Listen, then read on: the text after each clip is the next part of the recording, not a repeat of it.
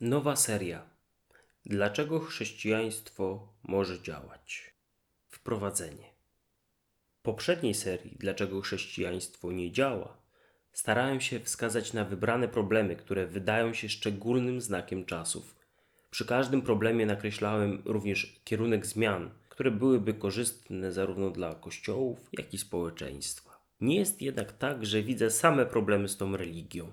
Wręcz przeciwnie, gdybym uważał, że nie niesie ona nic pozytywnego, to w ogóle nie traciłbym czasu i energii na krytykę czegoś, co jako takie jest nieprzydatne i skazane na porażkę. Dlatego czas na metodę zielonego długopisu.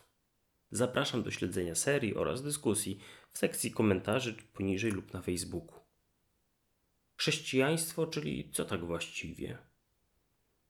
Czy istnieje coś takiego jak chrześcijaństwo?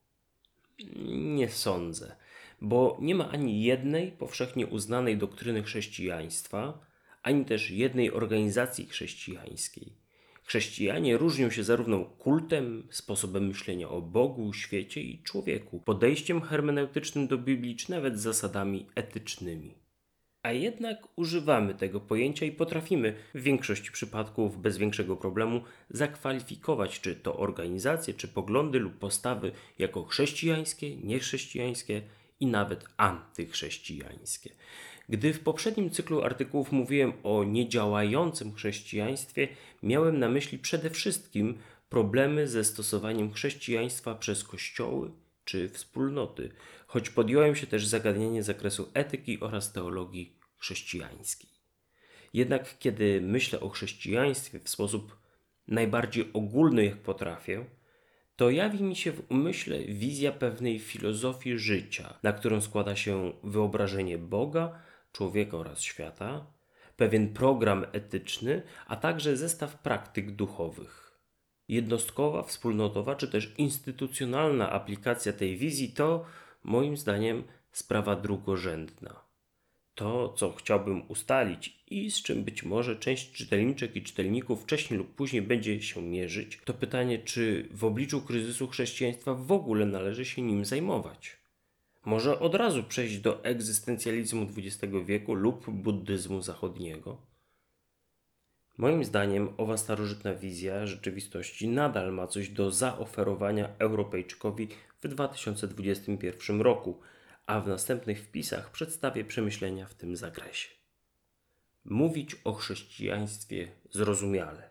Jeśli mamy dokonać oceny chrześcijaństwa, to w czasach postmodernizmu nie wypada nawet próbować wykazać prawdziwości chrześcijaństwa. To troszkę jak gdyby podejmować się zadania udowodnienia wyższości rasy białej nad czarną. I nie jest tak dlatego, że chrześcijaństwo nie może być prawdziwe. Wchodząc jednak na grunt epistemologii i teorii prawdy, musielibyśmy podjąć się syzyficznego trudu wykazania prawdziwości istnienia jednej prawdy. Na to ani nie mamy czasu, ani siły, ani chęci. Możemy jednak przemówić językiem zrozumiałym. Dokładnie tak, jak uczynili to uczniowie Jezusa z Nazaretu, gdy zaczęli nauczać oraz pisać w języku greckim, a nie w hebrajskim, który uważany był za język święty, język Tory. Mówiąc o zrozumiałym języku, nie mam teraz na myśli języka narodowego, polskiego czy angielskiego. Chodzi mi po głowie raczej kod myślowy, który służy jako filtr do odczytywania i nadawania komunikatów. W świecie zachodnim na ten kod składają się między innymi takie idee jak demokracja, prawa człowieka, tolerancja, potrzeby człowieka, kapitalizm, globalizacja, psychologia humanistyczna, scjentyzm, technokracja. Inaczej mówiąc, aby współczesny Polak mógł w sensowny sposób rozumieć i rozmawiać na temat nauk starożytnego mędrca z Galilei, musi mieć to jakiś związek z wyżej wskazanymi pojęciami. Warto więc postawić pytania, które pozwoliłyby uchwycić chrześcijaństwo we współczesnym kontekście. Oto przykłady, które przyszły mi do głowy. Czy chrześcijaństwo wspiera wartości demokratyczne? Czy chrześcijanie wspierają walkę o prawa człowieka lub przynajmniej czy je respektują?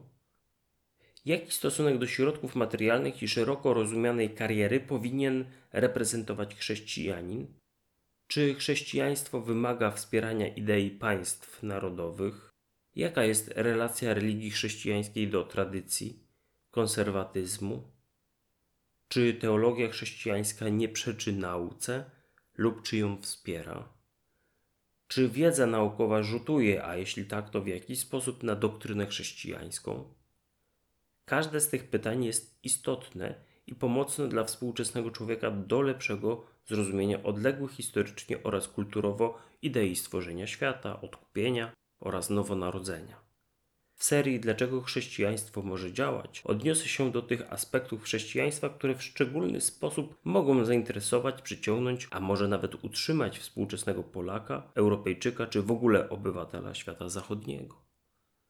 Następny artykuł zaczniemy od problemu sensu życia, czy raczej sensu całości doświadczenia w kontekście filozofii chrześcijańskiej. Co chrześcijaństwo proponuje w tym aspekcie? Czy jest to wizja jakkolwiek atrakcyjna? Zapraszam do śledzenia tej serii wpisów. Sensoholik, czyli Konrad Pasikowski.